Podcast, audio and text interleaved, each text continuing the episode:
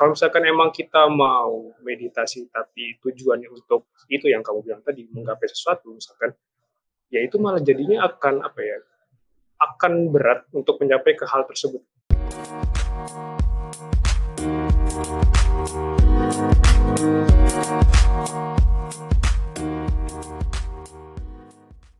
Hello boys and girls, ladies and gentlemen, welcome back to Petualangan Stick Brand, di mana kamu akan berpetualang bersamaku, Amran Asberia Putra, di dunia yang berkaitan dengan psikologi dan pengembangan diri. Ya, biasanya psikologi sih, tapi pengembangan diri juga banyak kok. Nah, topik pada hari ini aku ingin mengeksplor tentang nafas atau cara bernafas. Nah, kenapa nih? Wah, Amran, nafas dipikirin ngapain? Karena gini, uh, pada saat aku mau mikirin topik ini, aku lagi baca buku uh, judul Bread karangannya James Nestor. Nah, singkat cerita tuh ngebahas kenapa sih nafas dan cara nafas yang benar dan yang salah tuh gimana, etc. etc. etc. Nah, tapi kalau misalkan aku baca doang dan aku yang ngerangkum sendiri kayaknya kurang asik Kenapa? Karena itu subjektif banget dari aku kan, walaupun pengarangnya objektif gitu ya. Nah, aku ketemu nih salah satu bintang tamu yang menurutku juga uh, bisa ngasih uh, tambahan-tambahan informasi atau pengetahuan terkait uh, topik uh, breathing ini, breathing atau uh, bernafas gitu. Nah, jadi spesial banget bintang tamuku pada episode kali ini. Uh, beliau adalah satu alma mater lagi uh, sama aku dari S1 Sarjana Psikologi Universitas Diponegoro dan sekarang beliau sedang mengemban mengemban ya benar ya mengemban pendidikan uh, S2 uh, di uh, psikologi Universitas Ahmad Dahlan Yogyakarta. Ya, langsung saja kita sambut Mas Dinul Akbar. Welcome to the show. Halo Amran. Gimana yes. kabarnya Ran? Alhamdulillah luar biasa. Mas Dinul sehat di sana, Mas? Alhamdulillah sehat Ran. Alhamdulillah. Oke, kita langsung jumping to the topic ya karena tadi juga okay. udah sempat uh, sebelum kita record nih uh, apa namanya udah sempat ngobrol-ngobrol dikit. Nah, aku penasaran. Hmm. Jadi gini, aku mungkin ngasih konteks dulu ya ke audiens yang baru dengerin nih. Jadi oh. pada saat itu kenapa aku nge mem, apa namanya mengundang Mas Dino ke episode pada kali pada saat ini tuh gini. Jadi pada saat itu aku baca buku Brit dan Mas Dino pada saat itu sedang uh, IG live. IG live hmm. membahas tentang uh, mindfulness. Nah, mindfulness itu adalah salah satu teknik pernafasan juga, guys. Nah, di sinilah yang aku coba jumping nih, uh, kayak kok bisa nih kayak connecting the dots antara teknik uh, breathing exercise dan mindfulness dan yang lain-lain. Nah, jadi Mas Dinul untuk memulai apa episode atau percakapan kita pada sore hari ini kebetulan sore, apa itu mindfulness Mas Dinul? Nah, jadi sebelum ini ya Ran, apa hmm. se sebelum kita melompat ke nafas, jadi yep. setauku mindfulness itu caranya banyak. Oke. Okay. Nah, salah satunya ini adalah dengan bernafas. Yang yang ku tahu mindfulness ini ada mindfulness eating, mindfulness walking dan segala sesuatu kegiatan yang kita lakukan itu memang membutuhkan mindfulness gitu. Nah, hmm. dan salah satunya adalah dengan cara bernafas. Nah, kemudian kita lompat lagi ke mindfulness ini. Jadi mindfulness ini adalah cara menghadirkan batin untuk situasi kini dan saat ini. Kalau bahasa Inggrisnya here and now. Hmm. Jadi kan kadang kita itu pikirannya ke mana-mana ya. Kadang pikiran kita lompat ke belakang, kadang pikiran kita lompat ke depan gitu. Jadi kita ini malah tidak menikmati kondisi kita di saat ini. Misalkan kita lagi duduk, tapi pikiran kita malah mikirin, aduh nanti mau makan apa ya? Duh kok hmm. aku kemarin misalkan berbuat sesuatu, duh itu kemarin gimana ya? Nah, itu malah kita tidak menikmati saat ini kita lagi duduk seperti hmm. itu.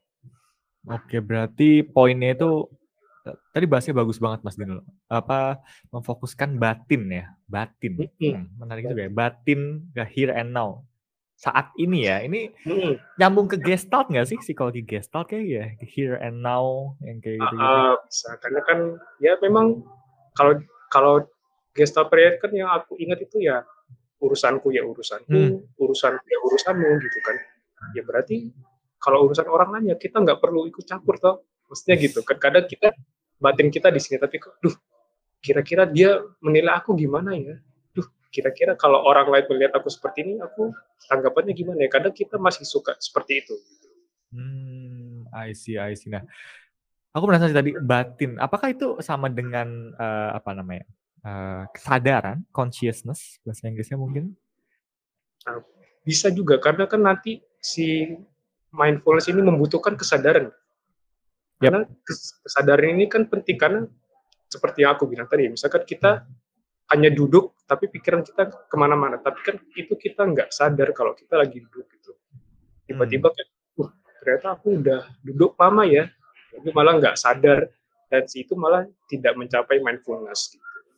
Oh oke, okay, I see. Berarti uh, yang aku ini juga jadi revisi dariku juga sih pengertian. Soalnya kalau aku selalu ngehnya kalau misalkan mindfulness nih meditasi gitu loh. Berarti tapi oh. mindfulness itu banyak caranya ya kayak uh, apa tadi jalan, mindfulness eating. So the point dari mindfulness, sorry, uh, inti dari mindfulness adalah menghadirkan kesadaran kita tuh di saat ini dan apa yang sedang kita lakukan gitu berarti ya. Iya. Fokus. I see, I see, I see. Hmm, menarik juga. Nah, oke. Okay. Pengetahuanku juga nih Mas Dino. Correct me if I'm wrong banget ya. Di sini kita ah. juga apa sekalian ini apa mengoreksi, saling melengkapi gitu. Hmm. Nah, yang aku tahu mindfulness itu nih karena aku taunya itu keterkaitan dengan uh, meditasi. Jadi ini berasal dari uh, ajaran uh, agama Buddha gitu. Nah, benar gak sih mas? Betul. Kayak gitu atau sejarah dari mindfulness nih gimana mas yang mas Dino ketahui? Ah, betul. Jadi dari yang aku tahu juga ya. Jadi kan hmm. mindfulness ini berasal dari timur, maksudnya timur ini hmm. negara kita di Asia ya. Jadi karena memang basicnya ini dari Hindu, dari agama Buddha, sehingga para apa ya, bisa dibilang para biksu memang sudah lama menekuni ini. Kemudian dari barat ada yang membawanya, yaitu si Kabat-Zinn ini membawa ke barat, kemudian dikembangkan dengan nama mindfulness based reduction, based stress reduction. Kemudian dari itulah dikembangkan sehingga banyak orang-orang barat yang mempelajari itu sebagai apa ya bisa dibilang healing mereka hmm. healing terhadap stres yang mereka alami hmm, oke okay. berarti ya aku jadi inget tadi sih soalnya here and now itu kan konsep yang gestalt banget lah ya ya kan psikologi terus kayak seingetku sih dulu ya. Jadi Gestalt itu dia dari barat kan, terus dia stres atau kayak depresi, something like that dan dia akhirnya ke uh, timur terus kayak spiritual journey lah, pengalaman hmm. spiritual segala macam itu dan dia pulang dari situ nah ngebawa ajaran-ajaran itu jadi apa jadi kayak membawa suatu ajaran terus dimodifikasi ke budaya barat ya lahirlah psikologi gestalt gitu kayak oh nyata se se, se healing itu gitu ya budaya barat tapi dari se ini Mas, dari eksplorasi Mas Dinul di mindfulness, apa sih menurut Mas Dinul yang uh, menarik gitu dari mindfulness? Kalau yang aku sejauh ini ya mengeksplor hmm. mindfulness ini kita bisa jadi lebih apa ya, lebih peka sama apa yang ada di diri sendiri gitu. Misalkan hmm. ada apa ya, ada perasaan-perasaan mungkin yang selama ini kita hiraukan atau mungkin kita tidak sadar kalau oh ternyata ada perasaan ini ya. Hmm. Oh ternyata kita bisa mengenali diri kita lebih dalam lagi sehingga kita bisa menghadapi dunia ini dengan ya seapa adanya gitu, nggak terbawa ke depan, nggak terbawa ke belakang. Hmm. Ya stay sama diri kita bener-bener apa ya istilahnya bener-bener nempel melekat sama diri kita sendiri. Hmm, that's very interesting concept sih. Tapi aku tiba-tiba langsung keinget quotes-nya dari Buddha sang Buddha. Uh, the root of suffering is attachment melekat kan kayak oh oke okay. kayak kayak kalau misalkan melekat itu mungkin gini ya kalau aku sih jadi gini apa kalau misalkan yang aku pahami ini mindfulness awalnya yang aku hmm. pahami hmm. itu adalah uh, kan mindful jadi kan kayak aware awareness conscious gitu conscious atau sadar sama pikiran yang ada nih karena makanya misalkan hmm. contoh lagi meditasi nih kan terus meditasi inhale, exhale, inhale, exhale, terus pasti akan ada thought atau pikiran yang datang hmm. nih tiba-tiba misalkan yeah. aku sebelum ini meditasi terus uh, kayak wah nanti mau buat podcast nih sama Mas Dinul apa yang aku tanya udah cukup belum ya pertanyaan-pertanyaan oh. yang aku oh. siapin gini-gini kan itu udah ada talks nih. Nah, hmm. mindfulness itu jadi mindfulness itu sadar akan ketika aku ngeladenin pemikiran yang lewat nih talks yang lewat ini aku aku nyambung nih. Nah, mindfulness nih langsung bilang kalau misalnya mau latihan mindfulness tuh kayak oke, okay, sadar nih. Oke okay, nih gue lagi nyambung nih di talksnya ini nih, di talks yang lagi mikirin pertanyaan buat Mas Dil nih. Gue lepas dulu deh, biarin lewat. Bener gak sih? Ah, kayak kayak kayak kayak, kayak, gitu gak sih konsepnya? Ah, ya, bagus itu Ren. Apa ya? Kalau misalkan dari yang aku tahu juga Hmm. di meditasi itu istilahnya monkey minds. Karena Oh, see, dia ya. lompat-lompat. Hmm, hmm, Ya. hmm. Kenapa Yes, dibilang yes, monkey minds? Karena pikiran kita lompat ke sini, kadang lompat ke sini, maju ke depan, maju ke belakang. Hmm, I see, I see, I see, I see, I see. Oke, oke. So, apakah Mas Dino juga rutin atau sering menerapkan melakukan meditasi, something like that? Kalau meditasi bisa dibilang rutin karena emang udah apa ya, udah mulai jadi habit Oh. kebiasaan.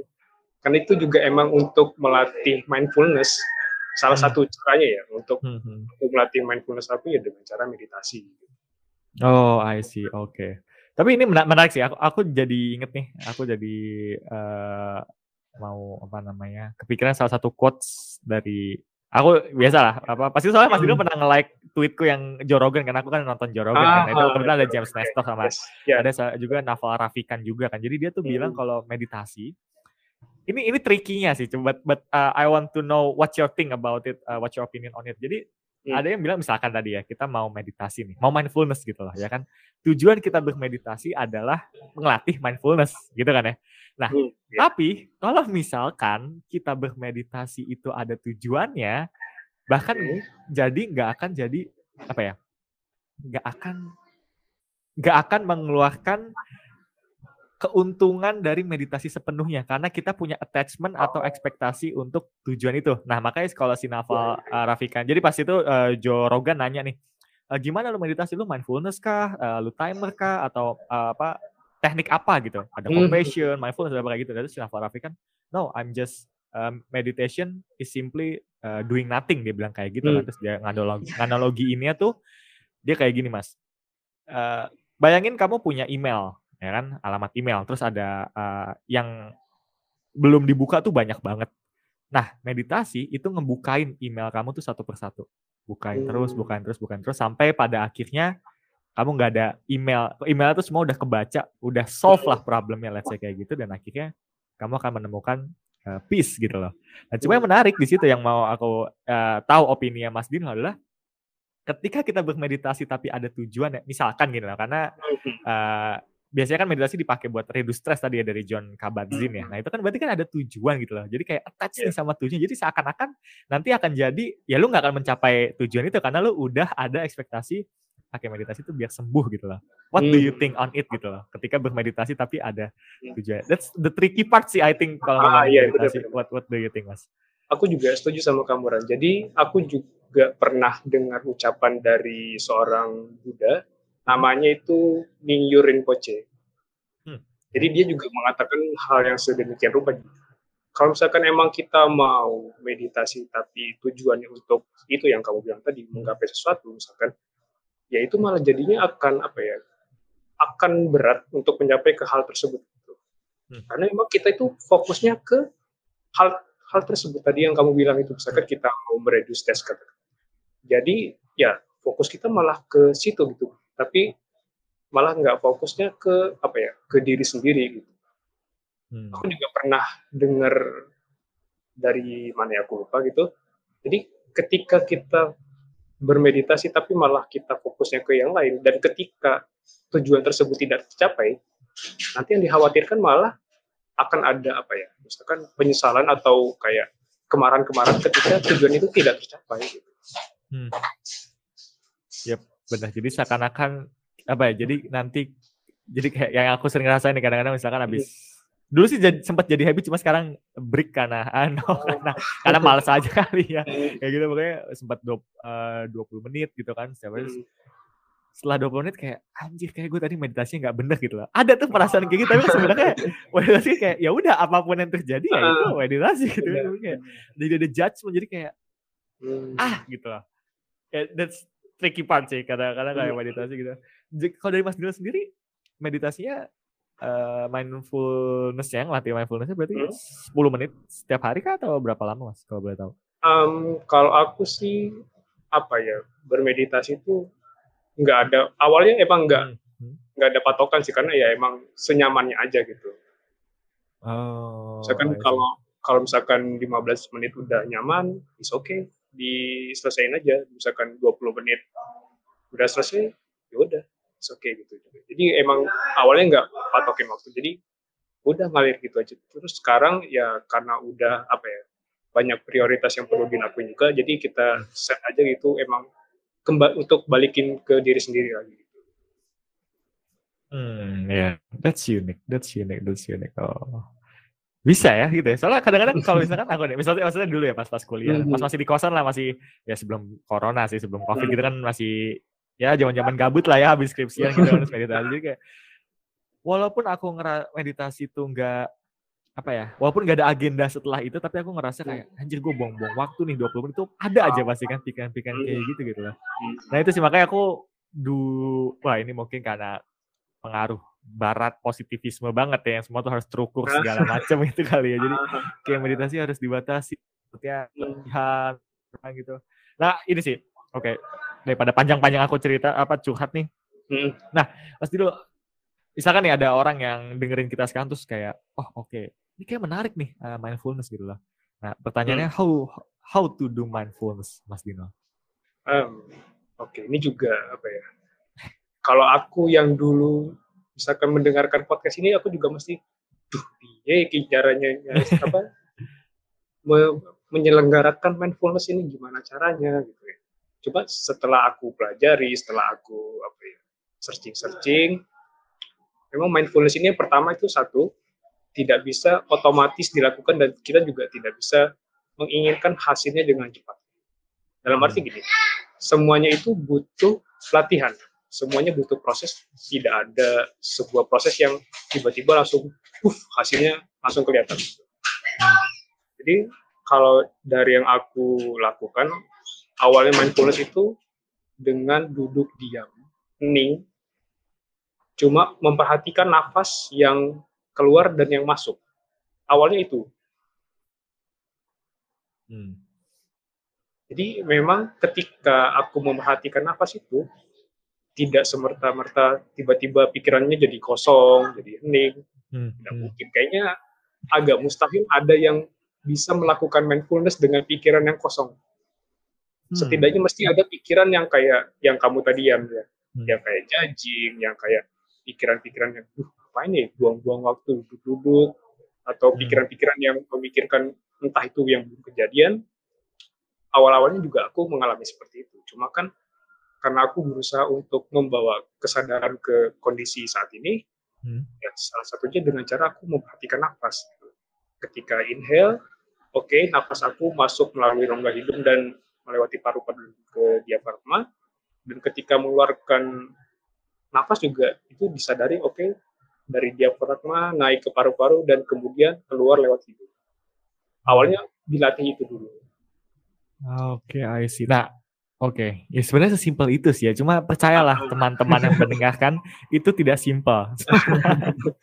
aku juga kayak, ah oh, iya gabut paling cuma apa duduk terus inhale, exhale, inhale, exhale. Tapi cobalah try it for five, lima menit, lima menit, sepuluh menit, and see what happening. Amazing things, a lot of amazing things. Nah, aku penasaran sih mas nih apa dari ini juga sih uh, curahanku mungkin ya kalau misalkan hmm. meditasi gitu loh.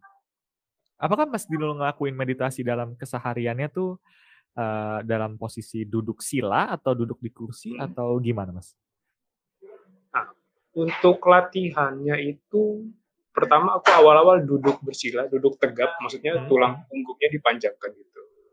Kemudian pejamkan mata, cari tempat yang sunyi, pastikan di sekitar itu tidak ada apa ya keributan atau kegaduhan yang bisa mengganggu kita atau mengganggu ketenangan kita gitu.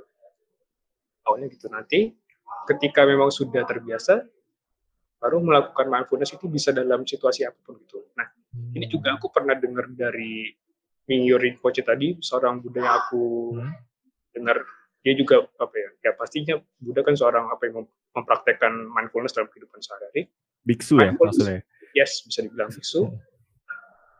Mindfulness itu sebenarnya bisa dipraktekkan setiap hari, setiap saat, setiap waktu Hmm. Hanya cukup dengan tarik nafas, itu pun udah masuknya mindfulness. Kata dia seperti itu. Walaupun tiga detik, it's okay.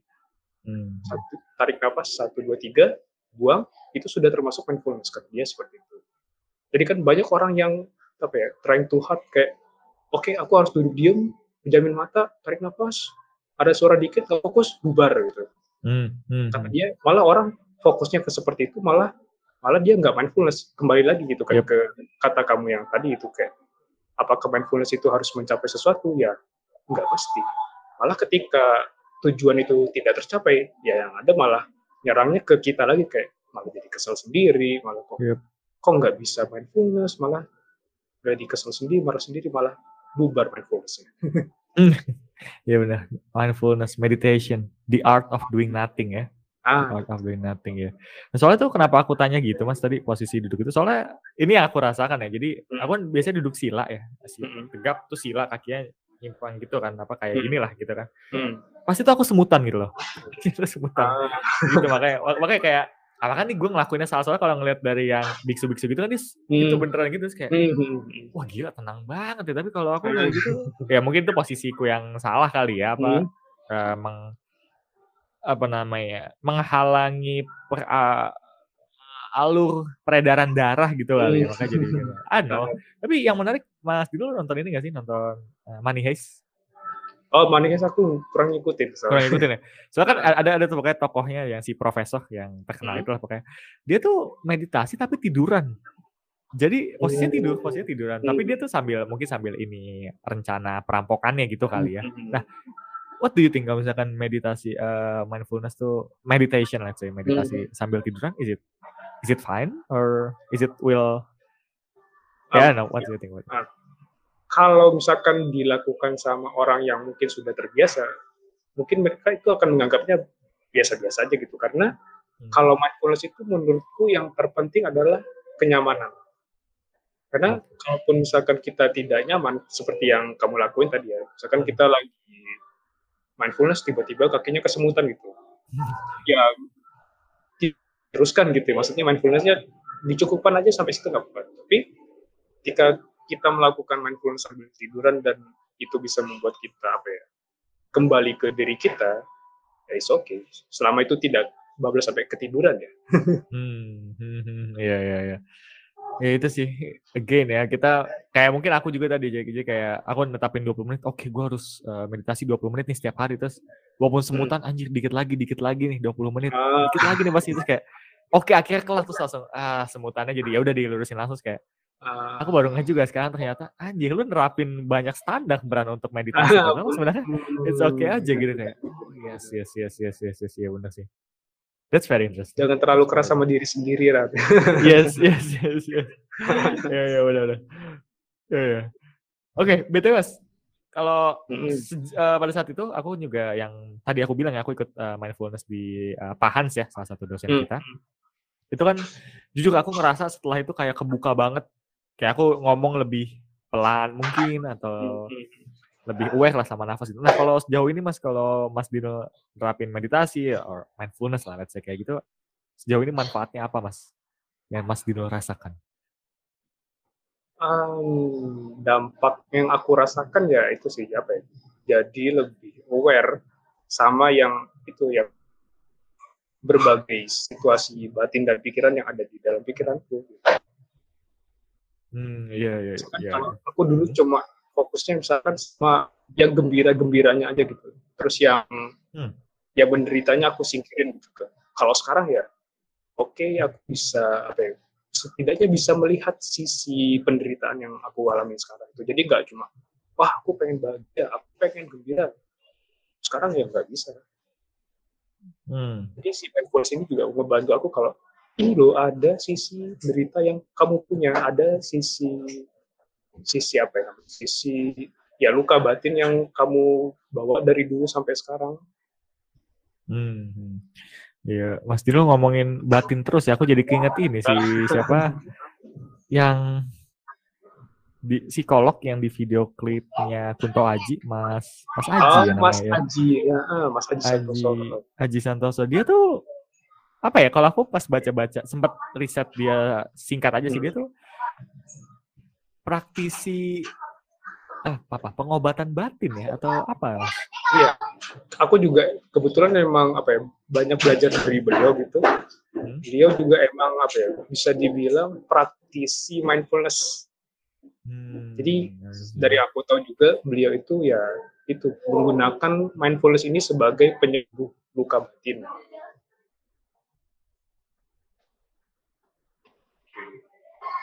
Hmm, hmm, hmm. Oke, tes dulu. Mas Dino, dengar nggak suaraku? Dengar, dengar, dengar. Oke, sip. Tadi sempat ketat, nah nanti aku editing okay. di dikit lagi. Oke, sorry, sorry. Sempat ketat. Nah, oke tadi Mas Mas Mas Aji ya, Aji siapa? Ya? Hmm, Mas Aji, Aji Santoso. Aji Santoso, yes dia sempat dia sempat ini sih ya ini aku aku nggak nggak nggak tahu sih ini ini menarik aja sih kalau misalkan orang ya ketika yang aku lihat ya kayak mungkin dulu mungkin Mas Dino tahu atau enggak yang mantan suaminya Katy Perry Russell Russell Brand pernah dengar nggak? Oh, ya kan jadi kayak seseorang yang ketika masuk ke spiritual journey itu pasti nanti rambutnya panjang kayak Mas Haji gitu kan, bewok gitu kan kayak something magical gak sih? Apa hal-hal kayak gitu? itu udah kayak gitu. Eh, padahal walaupun biksu-biksu pun juga pada akhirnya botak gitu ya. Mm, itu sih, eh, itu sih yang, yang aku penasaran juga sih uh, dari mm. Mas Dino. Ketika mendalami mindfulness gini, tertarik nggak sih mas untuk mempelajari hal-hal berkaitan tentang uh, uh, Buddha, agama Buddha? Um, kalau untuk apa ya, mungkin lebih ke ajarannya itu, aku juga melihat apa ya, ada ketertarikan gitu hmm. untuk mempelajari hal-hal tersebut karena kan kalau Buddha ini memang fokus mereka ke mindfulness gitu kan, mindfulness, yep. ketenangan, kemudian lebih ke apa ya namanya istilahnya lebih ke alam dan dunia ini. Yep. Iya. Yeah. Ya makanya kayak Mas tadi Mas Dil bilang, ya mindfulness nih ngebantu gue lebih sadar akan sisi uh, suffering. Karena kan ajaran Buddha sih itu ini kan yang utamanya kan life is suffering gitu. Oh, iya iya iya that's true that's true that's true gitu. Bahkan yang aku juga sering apa ya kayak aku uh, baca-baca ke hal kayak uh, eksistensial, eksistensialism, terus yang orang-orang Russian kayak gitu kan dia selalu bilang tuh kayak ya apa ya baseline dari kehidupan tuh ya uh, suffering gitu loh. Ya hmm. either you like it or not, that's the normal that's the normal condition suffering gitu. Ah, benar-benar. Jadi kayak oh my god ya yeah, that's that's really sih. Nah, Oke okay, mas nih aku aku penasaran juga sih karena ini yang juga uh, yang perlu diketahui juga kalau misalkan teman-teman pas aku ngasih pertanyaan ini pun list pertanyaan ke Mas Dino nih Mas Dino juga ini maksudnya apa kan gitu. Nah, aku sih pada saat itu sempat baca jurnal ya. Cuma aku lupa jujur pas aku mau cari itu aku lupa judulnya apa. Jadi itu dia ngebahas tentang uh, dark side atau sisi buruk dari uh, terapi mindfulness gitu loh. Nah, sejauh perjalanan Mas Dino mendalami uh, mindfulness ini ada nggak sih sebenarnya dark side dark dark side dari penerapan mindfulness atau meditasi ini? Kalau apa ya dari sisi buruknya berarti ya yang kamu hmm. katakan ya um, bisa aku bilang aku ini jadi apa ya istilahnya kalau aku bilang ini kecanduan. Oke. Okay. Jadi kalau misalkan aku hmm. tidak, karena aku emang apa ya melakukan meditasi hmm. untuk mencapai mindfulness ini hampir setiap pagi. Yep. Nah, jadi ketika aku tidak melakukan hal ini, jadi aku malah kepikiran, aku nggak ngelakuin ini gimana ya hari-hariku ke depannya gitu. Ah, I see. Jadi malah I see. apa ya? Jadi malah malah masih melekat sama si meditasi untuk mencapai mindfulness ini. Padahal kan dari yang aku bilang tadi kan, hmm. mindfulness ini tidak hanya bisa dicapai dengan meditasi aja kan. Bisa hmm. mindfulness hmm. eating, mindfulness breathing ketika jalan gitu semisal itu. Ya, hmm. pun juga masih belajar gitu karena hmm. sampai sekarang masih mengulik-ngulik tentang diri ini. Jadi ya salah satunya itu yang masih melekat sampai saat ini gimana caranya aku tidak apa ya melekat atau tidak ketergantungan sama meditasi yang aku lakukan ketika pagi hari hampir setiap pagi. Hmm, iya benar. Aku jadi jadi ingat sih dulu karena skripsiku dulu ngambil kecanduan media sosial kan tuh salah satu hmm, indikator kecanduan tuh adalah uh, ini siapa ketika kita kalau nggak ngelakuin perilaku atau nggak memakan atau memakai suatu zat adiktif itu tuh kita nggak akan bisa berfungsi secara normal dalam kesehariannya. Ya itu itu yang yang apa, harus dihati-hati apa juga sih apa misalnya kalau mindfulness. Jadi kayak ketika kita nggak meditasi ya sekali kayak anjir gue kalau nggak meditasi gue nggak nggak lebih tenang nih gue nggak nggak nggak lebih fokus nih kayak gitu gitu ya oh yes yes, yes. that's that's tricky part sih ya ah benar karena ya. kan ada pada sebenarnya kan ya itu mindfulness kan memang tentang menyadari kondisi sini dan kini gitu. Yep, yep, Ketika yep. emang tidak melakukan meditasi ya nggak masalah harusnya ya. Harusnya. Seharusnya seperti itu. Yes, yes, yes, seharusnya seperti itu. Ya, seharusnya. Ekspektasi kan, judgment nih. Ya. Kalaupun itu. kalaupun tidak tidak melakukan meditasi ya nggak apa-apa. Maksudnya ya dunia juga masih berjalan, matahari masih terbit dari timur gitu kan. Iya bener. Dan ini mungkin aku juga ini sih tiba-tiba keinget juga kalau ngomongin dark side itu mungkin ini ya kali ya eh, salah satu sisi negatifnya juga adalah ketika kita aku nggak tahu ini hipotesis ini maksudnya aku asumsi aja sih Mas Dino. Hmm. Ketika kita terlalu eh, terlalu aware gitu loh. Maksudnya Ah, maksudnya kayak terlalu aware kan juga nggak baik. Contoh gitu loh. Maksudnya kan pasti kita sekarang nih walaupun ada background misalkan di Mas Dino sana Hmm. gitu. Berarti kan tapi kan Mas Dino atensinya untuk buat podcast ini kan ngerekam ke aku kan. Iya. Jadi kayak kita nggak akan bisa ngeliat semua karena butuh apa priority gitu kan. Kalau terlalu aware sama semuanya tuh nanti malah semakin menyakitkan. Makanya kalau kadang-kadang aku mikir oh mungkin sisi dark side adalah karena mindfulness atau meditasi bikin kita lebih aware ke diri kita sendiri dan ketika kita merasakan sakit tuh sebenarnya tuh sakit mungkin kali ya sebenarnya tuh sakitnya tuh biasa aja sebenarnya cuma karena kamu udah Mm. saking saking aware-nya saking mindfulnya ngerasa uh sakit sakit banget gitu loh jadi hmm. jadi karena saking sadarnya, saking sadarnya. Ya itu benar, itu aja sih kayak dark side. Oh, Hmm. mungkin kali ya. I don't know. What do you think on it, Mas? Terlalu aware. Ini menarik juga. Hmm. Ah, jadi aku juga mengenal salah satu apa ya, salah satu organisasi yang bergerak di bidang penyembuhan juga Hmm. dengan cara mindfulness dan meditasi. Ini namanya Bali Usada dan mereka ini fokusnya di meditasi terhadap kesehatan gitu. Fokusnya ke bidang penyembuhan. Jadi bagaimana meditasi ini bisa membuat apa ya? Membuat kita lebih bijak menyikapi apa yang menyakiti kita gitu. Hmm. Jadi ketika misalkan apa ya? Nah, salah satunya? Fungsinya mindfulness ini adalah kan membuat kita tidak terlekat sama apa yang ada di diri kita kan gitu. Jadi ketika emang kita sakit, oke, kita hanya menyadarkan aja gitu ya. Balik lagi juga ke basicnya si mindfulness ini, di mana cukup menyadari apa yang terjadi sama kita. Hmm. Ketika kita mengalami rasa sakit ya, udah cukup oke, cukup apa ya, istilahnya cukup tahu aja gitu kalau kita lagi mengalami rasa sakit, Hmm. tidak perlu apa ya terbawa-bawa arus drama, aduh aku sakit terus pasti gara-gara orang ini atau pasti gara-gara itu kita sakit. Kita kan manusia cenderung lebih menyalahkan orang lain ketimbang melihat ke diri kita tuh fokus ke diri kita. Jadi kita lebih lebih mudah untuk menyalahkan orang lain dibanding menerima keadaan diri kita sendiri. Yes, of course lebih mudah lah nyalain orang lain lebih enak juga sih. Iya. Eh, BTW sorry Mas tadi nama organisasi apa? Baliku aja. Bali Usada, Bali Usada, Bali Us- Bali. Bali, Yes, Bali Bali. daerah Bali, Bali Yep. Usada. karena emang mereka memang basicnya di Bali, Oh. tepatnya di Kabupaten Gianyar.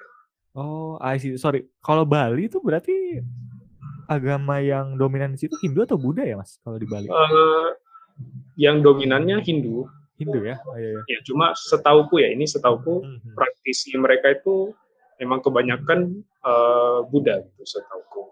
Oh, oke oke, I see. Ya karena there is eh, aku masih bingung sih kayak beda. Yang aku tahu ya kalau ngebedain Hindu sama Mhm. Buddha tuh kalau ini cemiu banget ya teman-teman yang dengerin jangan so tahu lumran ya. Gua nggak tahu nih tapi nggak tahu kalau kalau di Hindu tuh lebih ada dewanya kayak dewa Krishna, Iya. Brahma yang kayak gitu. Kalau Buddha kayaknya sepemahaman, sepengetahuanku sih Siddhartha Gautama udah gitu pemahamanku ya. I know if it's wrong. Please let me know wrong ya guys yang dengerin nih nggak usah kan apa Nah, oke Mas, tadi udah kita sudah berjalan-jalan di, di mindfulness. Tadi udah juga sempat eh, nyebut nama John Kabat-Zinn. Ya ini juga salah satu apa ya, let's say eh, funding father found founding father lah dari mindfulness di barat gitu ya di scientific ya karena banyak juga aku sempat baca buku-buku ba- search mindfulness pasti yang keluar John Kabat-Zinn gitu. Nah, Hmm. ada nggak sih mas eh, referensi lain nih yang bisa mas Dino kasih buat orang yang mau eh, going deep di topik mindfulness ini entah itu Hmm. YouTube, buku atau mungkin akun Instagram atau apa pun itu. Em, karena sekarang emang udah zamannya digital ya, Hmm. aku mungkin lebih menyarankan untuk mencari mindfulness itu di YouTube karena udah banyak banget yang bahas mindfulness sekarang, terutama di saat pandemi ini ya karena begitu banyak apa ya, bisa dibilang energi negatif yang tersebar di bumi ini gitu. Betul, betul. Jadi banyak efek yang ya mengakibatkan orang-orang juga mengalami berbagai kesehatan mental gitu. ya. Hmm, hmm. Itu kalau mau nyari mindfulness banyak kalau di Indonesia salah satu yang aku apa ya jadikan panutan itu salah satunya itu Mas Aji Santoso yang aku bilang tadi. Hmm, hmm. Nah, kemudian yang kedua ini bisa itu ya salah satunya si Bali Usada itu Oke. dia juga banyak membahas tentang mindfulness dan segala macam gitu, terutama di Instagram gitu. Nah kemudian eh, kalau di luar negeri banyak tuh ya. Tadi yang salah satunya yang kamu bilang itu si James Nestor. Oh, Terus-. Hmm. Eh, banyak sih kalau aku rasa kalau di luar. Nah itu juga salah satunya tadi ada seorang biksu yang aku sebutkan tadi Hmm. si Mingyur Rinpoche. Kalau mau di search di YouTube itu banyak banget beliau membahas tentang mindfulness dan segala macamnya. Hmm, hmm. Itu sorry mas, eh, yang tadi biksu yang Mas Dino sebut itu yang dia masuk ke Netflix itu nggak sih? Um, Maksudnya yang nge- ngebahas series judulnya Explained terus episode lagi ngomong uh, mind, ngomong jelasin tentang pikirannya nggak sih? aku juga apa ya, kurang paham apakah beliau masuk di YouTube atau enggak, tapi emang beliau ini banyak banget sering di spotlight sama orang-orang barat gitu. Karena Iya pemikiran beliau yang mudah dicerna gitu. Oh iya, dia yang yang dibawa ke lab nggak sih yang ditempel-tempelin banyak? Iya, iya, iya, Oke, iya. iya. yes, Beliau- kayaknya sih dia, ya kayak sih dia. Oh, oke. oke. Gitu Yang nanti di MRI ketika Hmm. karena beliau kan sudah terbiasa untuk melakukan meditasi, ketika di MRI ada bagian iya di otak beliau yang emang tuh kelihatan banget tenang banget gitu. iya ini ya apa prefrontal cortexnya kayak singkat gue, Yes. bagian depan kan ya. Bagian depan ya. Iya, jadi prefrontal cortex itu guys untuk ngasih konteks itu adalah uh, bagian rasion bisa dikatakan rasional kali ya, rasional Hmm. manusia ya. Jadi kayak uh, decision making, terus sama awareness, kesadaran gitu ya. Hmm. Nah, dari reason kenapa kalau misalnya ini fun fact aja sih teman-teman buat dengerin. Kenapa semakin ke sini tuh orang-orang tuh makin jenong karena mereka suka mikir. Nah, kayak, kayak prefrontal cortexnya bagian depan ya itu jadi gede makanya kalau kalian lihat apes apa saudara-saudara sepupu-sepupu kita eh, orang utan menurut teori evolusi ya orang utan itu kan di belakang yang gede karena mereka tuh masih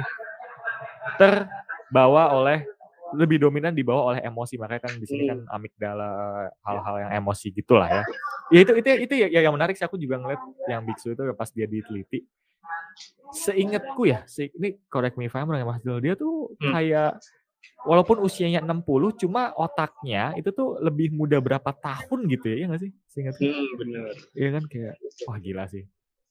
Itu manfaatnya guys kalian eh, meditasi setiap hari. Tapi jangan berharap untuk dapat otak itu kan nanti kalau kalian nggak dapat bakal kecewa. Parah iya. ya trikinya di situ, trikinya di situ. Oke nih buat teman-teman sejauh ini eh, yang masih dengerin nah, tadi yang misalkan aku jemput buku Brad, James Nestor, terus John Kabat-Zinn, tadi Mas Dino juga sebut Biksu, terus Mas Aji itu tenang nanti akan aku taruh eh, linknya di show notes. Jadi nanti kalian tinggal buka episode ini dan nanti klik di deskripsinya ada show notes. Nanti misalkan tadi Mas Aji, aku akan tulis Mas Aji Santoso. Nanti kalian klik dan nanti kalian akan bisa langsung ke profil Instagramnya beliau. Nah seperti itu. Nah kita mungkin jumping on dikit nih Mas, uh, just Hmm. some some some short topic saja. Karena kan tadi mindfulness itu kan nyambung ke meditasi, meditasi kan nyambung ke uh, breath exercise gitu. Yes. Nah, aku ini sih apa eh, penasaran kan tadi ya aku udah bilang aku juga baca buku Braid terus Terus nem- nemu teknik namanya Buteiko ya kan terus aku ing- inget eh, searching di Instagram terus ketemu akun Instagram at Adel Adeline Windy. Nah, aku Yes. penasaran dan itu juga di follow sama Mas Dino sih. Nah, aku Hmm. penasaran nih, eh, can you explain Mas why you follow Mbak Ibu Adeline Windy? Jadi aku kan biasanya manggil beliau nih Mbak Adeline gitu ya. Oh, oke. Oke, oke, Mbak, ini Mbak Adeline. so, oke, jadi emang beliau juga fleksibel sih kadang mau dipanggil ibu, mbak tergantung. Beliau ini adalah salah satu instructor group apa Buteiko di Indonesia. Karena instructor Buteiko di Indonesia ini ada dua. Hmm. Jadi salah salah satunya itu Mbak Adeline dan satunya lagi adalah Pak Gobin Pasdev. Jadi uh, setauku Pak Gobin ini yang pertama kali membawa Buteiko ke Indonesia. Oke. Okay. Jadi kemudian uh, beliau membuka kelas dan kemudian beliau mem, apa ya, mengajak si Mbak Adel ini untuk bergabung di Buteiko Structure di Indonesia. Hmm, berarti instruktur dari uh, Buteiko tadi. Nah, ya. follow up question Mas, Buteiko, apa itu teknik Buteiko Mas? Ah, ini menarik. Nah, Buteyko ini adalah salah satu teknik pernapasan hmm. yang ditemukan oleh yaitu penemunya adalah Dr. Buteyko, seorang Rusia gitu. Di mana Buteyko ini yaitu bagaimana kita memanfaatkan karbon dioksida sebagai apa ya?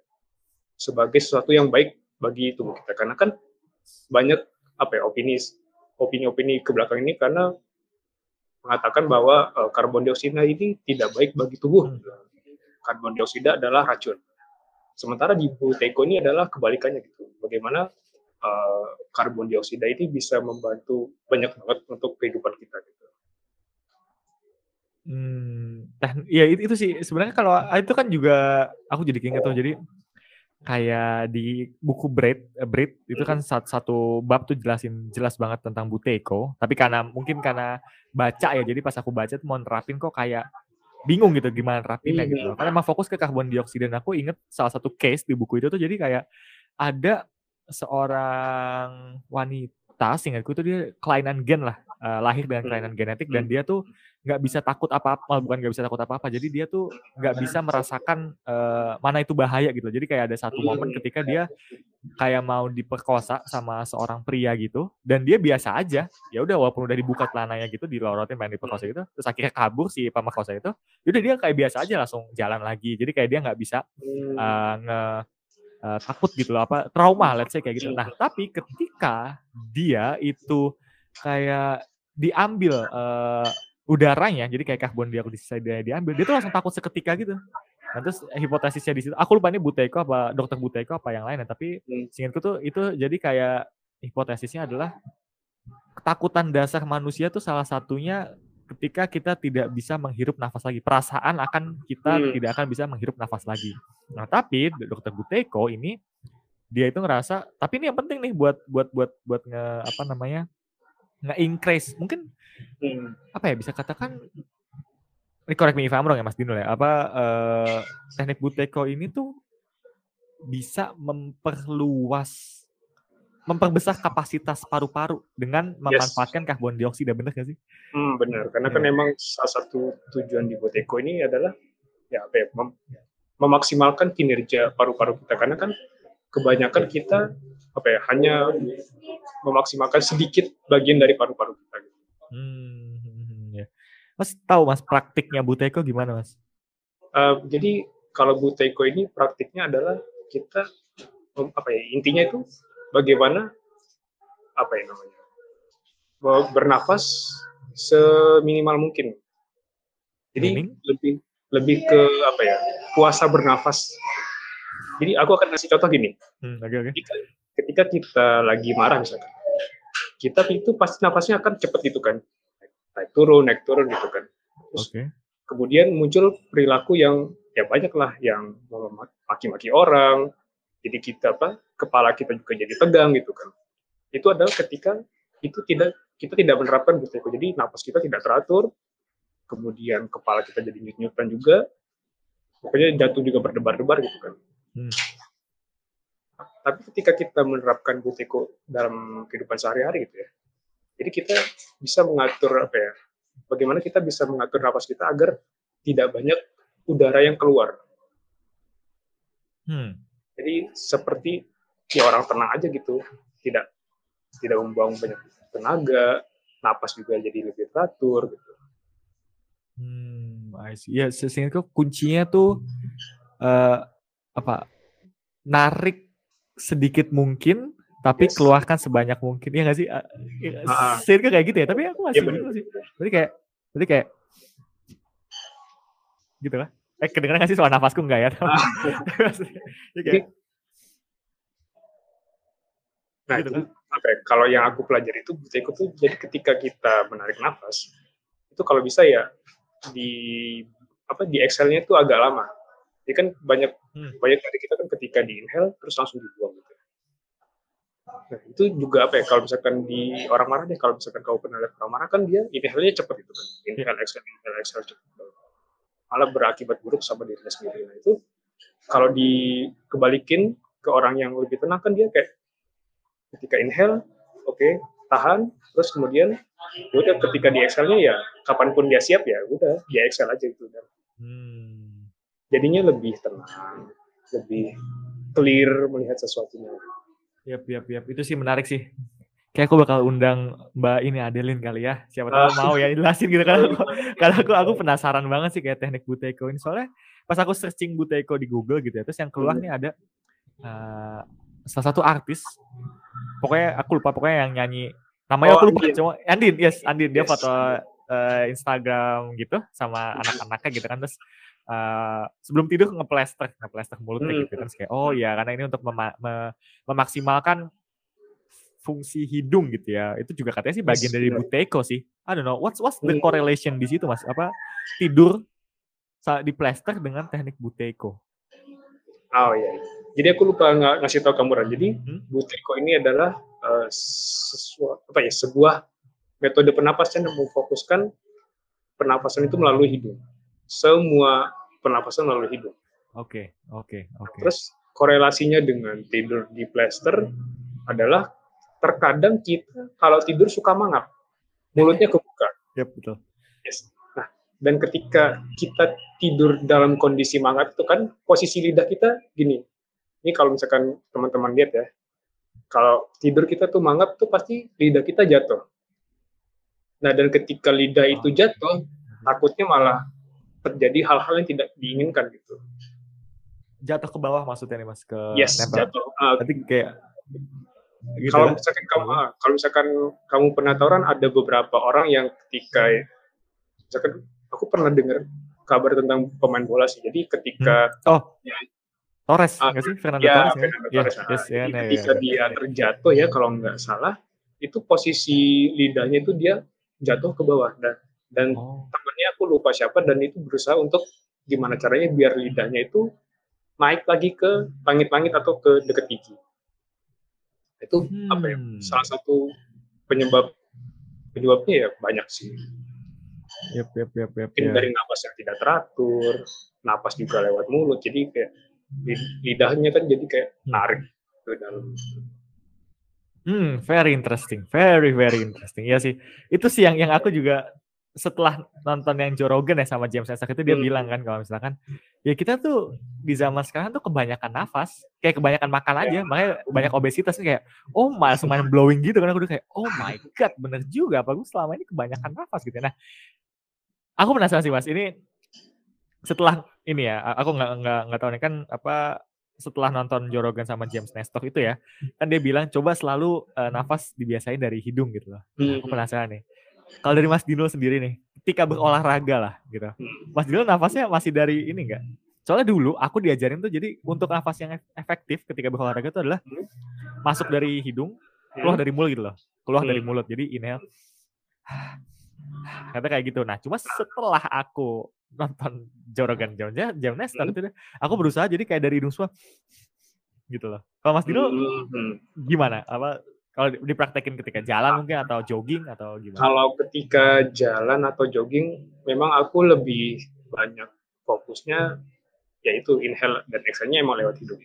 Kecuali kalau misalkan lagi intensitas yang tinggi, memang itu kan kapasitas hidung kita mungkin apa ya kurang mumpuni untuk menghadapi tekanan yang tinggi itu. Jadi memang juga uh, Bu ini tidak disarankan untuk penerapan olahraga yang intens intensitas tinggi dan apa ya pokoknya yang pace-nya cukup kencang gitu. I see. I see, I see, I see. Ketika emang jalan, ketika lagi jogging itu ya kalau bisa coba menggunakan hidung.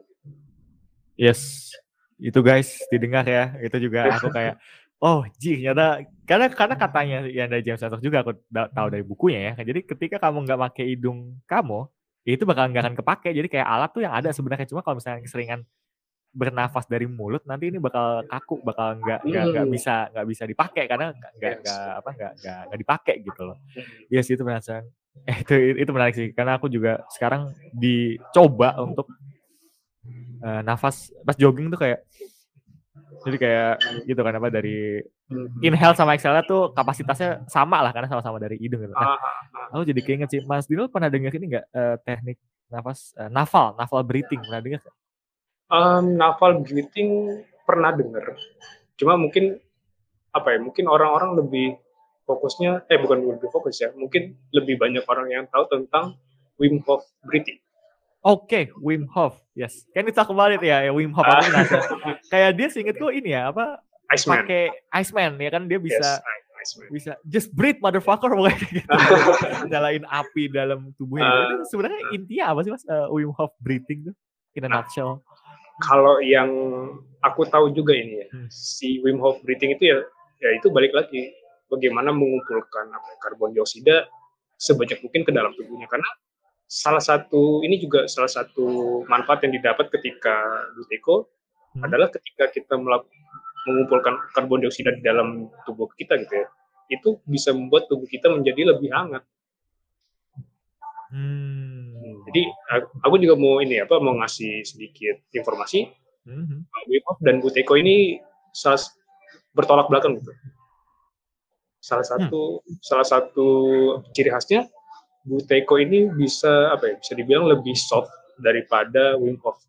Jadi kalau Oke. Wim Hof ini versi rush-nya gitu, ya, versi kenceng, Versi hard. versi hard-nya. Jadi kalau Buteyko ini kalau misalkan untuk orang modern yang kayak kita yang lebih banyak aktivitas di luar ya cukup menggunakan Buteyko aja untuk kehidupan sehari-hari gitu. Hmm, ya ya ya. Berarti Buteyko tuh eh, soalnya singkat aku ini aku belum belum meriset di Wim Hof sih. Hmm. Cuma tuh dia kan kayak jadi kayak kayak dia kayak breathe breathe dulu breathe dulu terus nanti Ya tahan. kalau kalau Wim Hof itu gitu kan. Iya kan kayak Tahan, iya, kayak gitu.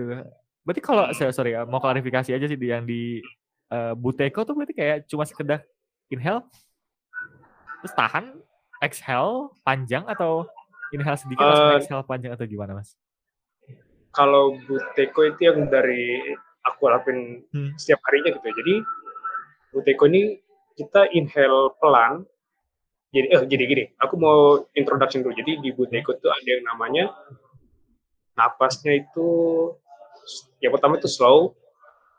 Oke. Eh, sorry sorry. Yang pertama itu pakai nose, pastikan bernapas menggunakan hidung gitu. ya. Kemudian baru masuk ke slow. Kemudian baru masuk ke deep. Hmm. Jadi napas menggunakan hidung, napas yang pelan, kemudian baru napas yang mendalam. Nah, kemudian ketika di inhale, kita tahan, Hmm. tahan beberapa detik, kemudian napas eh, itu tadi kamu juga sempat nyebutin ya, napasnya dikit-dikit aja gitu. Masukin atau keluarin? Ya inhale ya maksudnya. Oh inhale, oke Ketika oke. inhale, inhalenya, misalkan ketika kita inhale dalam kondisi biasa gitu ya, itu kita menarik 100% gitu. Oke. dalam kondisi biasa ini ketika kita lagi latihan buteko cukup menarik nafas itu 30 sampai 50 persen. Jadi nggak nggak ditarik semua, tapi mendalam. Dan begitu pun juga dengan exhale-nya. Jadi nggak tiba-tiba langsung hembuskan semua gitu enggak. Hmm. Jadi kita bagaimana caranya menyimpan karbon dioksida di dalam tubuh kita. Jadi nggak nggak dibuang semua. Oh oke, berarti sorry. eh inhale seminim mungkin ya, jadi 30 Yes. sampai 50 persen. Ya, Terus 30 sampai exhale, 50%. exhale-nya pun juga, exhale keluarinnya pun juga nggak nggak apa Nggak ah, semua langsung, ya. langsung ya, Oh tapi langsung dihabiskan. pelan-pelan. gitu, pelan-pelan gitu ya. Tapi harus 100% dikeluarin ya? Apa gimana? Ya, jadi Oke. ya, bi- ya bisa bisa kalau bisa inhale-nya itu lebih ya yang kamu bilang juga tadi Ran. inhale-nya lebih sedikit dibanding yang exhale-nya.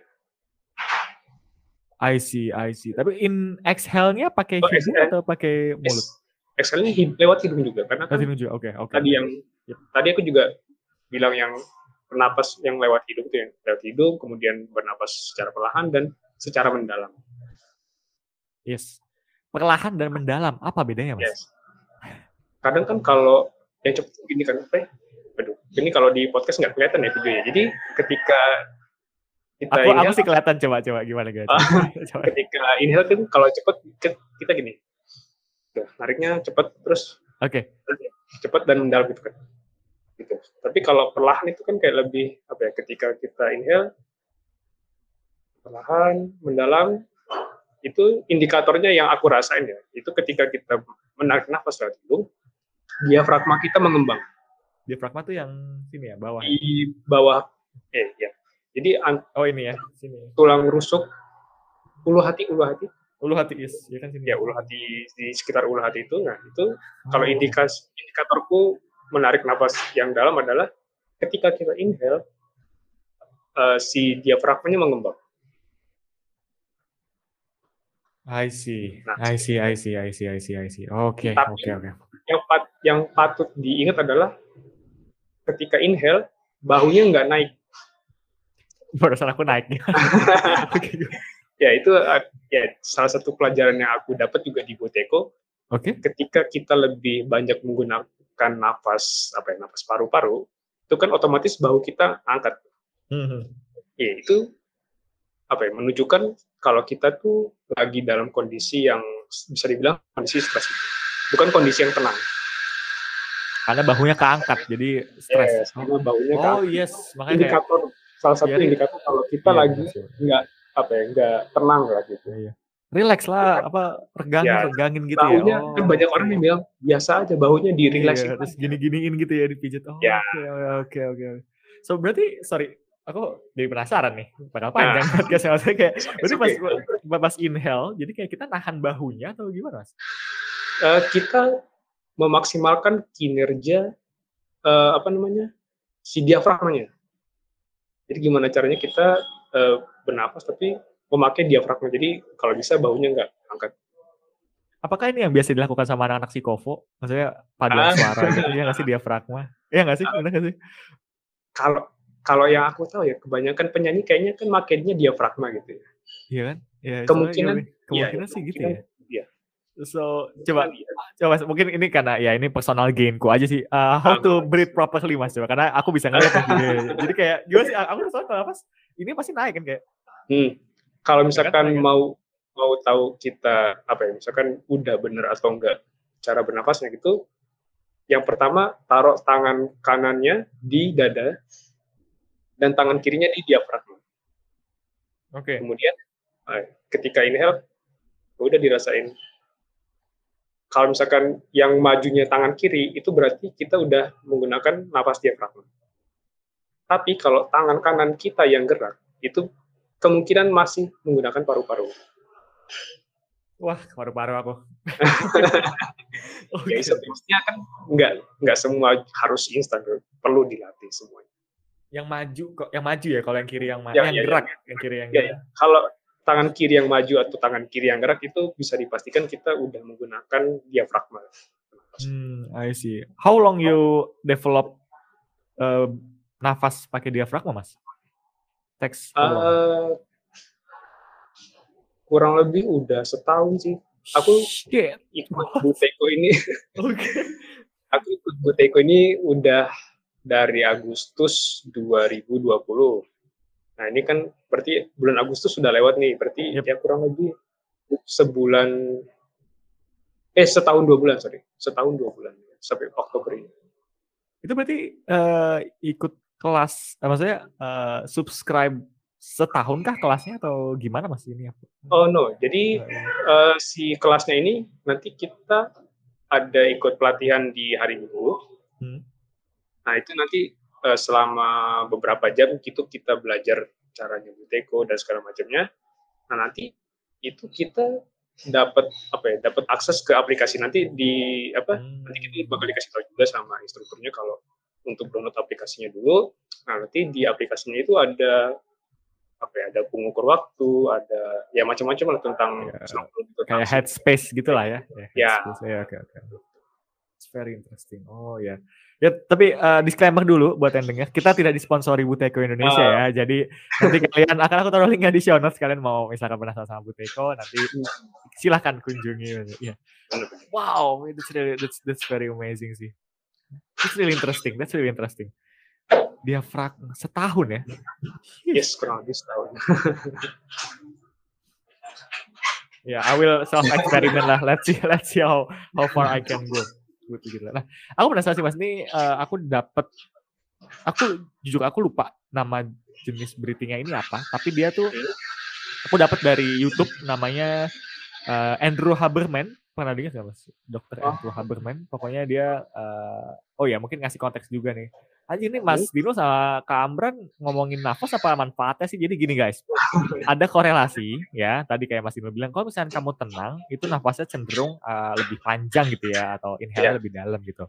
Nah itu secara nggak langsung bisa mempengaruhi kondisi psikologis, let's say kondisi internal, kondisi dalam diri kamu gitu loh. Karena at some point pasti ketika kita aware ya tadi kata-kata Mas Dino mindful segala macam itu ketika kita bisa uh, sadar nafas kita lagi cepat terus kita pelanin itu otomatis akan kayak ngedit kondisi internal state kita tuh secepat itu gitu loh. Jadi kayak yes. kunci di awareness tadi dan itu kayak apa ya uh, saling mempengaruhi lah jadi kayak perilaku mempengaruhi keadaan hati kita dan keadaan hati kita mempengaruhi perilaku tuh kayak gitu dan kita bisa ngedit dan menariknya breathing itu bisa kita kendalikan gitu loh Oke, itu bisa bikin kita lebih sehat lah. Karena argumen terbesarnya di James Nestor di buku Ebrit itu kan kayak kita tuh uh, terlalu fokus sama olahraga, diet, terus pola tidur, tapi pola makan, tapi kita nggak, uh, menurutku tuh ada satu pilar, menurut dia ada satu pilar yang hmm. harus di develop yaitu cara bernafas yang baik gitu loh. Nah itu kenapa kita ngomongin nafas karena itu fundamental dan kebanyakan orang di buku Braid juga James Nestor bilang kalau nyata cara nafasnya salah. Biasanya kebanyakan nafas tuh dari dari mulut gitu loh. Jadi kayak Nah, oke okay, balik lagi ke uh, itu konteksnya yang ke Andrew Haberman Mas. Jadi caranya tuh gini. Dia bilang uh, untuk nge-stabilin state keadaan internal kita, dia tuh bilang dua kali exhale, eh sorry, dua kali inhale dari hidung, terus keluarin panjang exhale dari mulut. Jadi gini nih, kalau semoga kedengeran suaranya kalau nggak bisa lihat video kayak gitu. Jadi yang inhale-nya tuh dua kali, terus yang exhale kayak gini. Jadi kayak panjang dulu. Gitu loh. Jadi kayak dua kali, tapi dua kali enggak hmm. gitu. Tapi kayak panjangin pertama, terus yang kedua ambil lagi sedikit baru keluarin karena kayaknya itu untuk menstabil. Aku jujur aku lupa, tapi itu kayak kalau dilakuin lima kali ketika stres gitu dilakuin lima kali itu bakal bikin stabil sih. Dan itu alasannya ini, ini lucu juga nih ini buat teman-teman mungkin juga fun fact juga nih buat Mas Dino ya aku tahu nih. Jadi kenapa kita jangan nafas pakai mulut? Karena itu bakal karena itu karena gini mulut kan lebih gede dari hidung ya. Hmm. Ya kan? Jadi yang dikeluarin tuh bakal lebih gede kalau misalkan kita cuma nafas dari hidung terus keluarin mulut gitu kan. Jadi iya. kayak demand di dalam nih nggak akan terpenuhi karena kamu ngeluarinnya gede tapi masukinnya kecil kan. Logiknya kayak gitu kan. Nah makanya tadi kenapa nafasnya itu dua kali kayak gitu supaya nggak cukup nih terus ditambah. Nah itu kayak udah mulai terus langsung dikeluarinnya pelan kayak gitu. Dan ini menariknya kalau misalnya kita lihat anjing ya, anjing nafas kan mulutnya kebuka kan. Yes.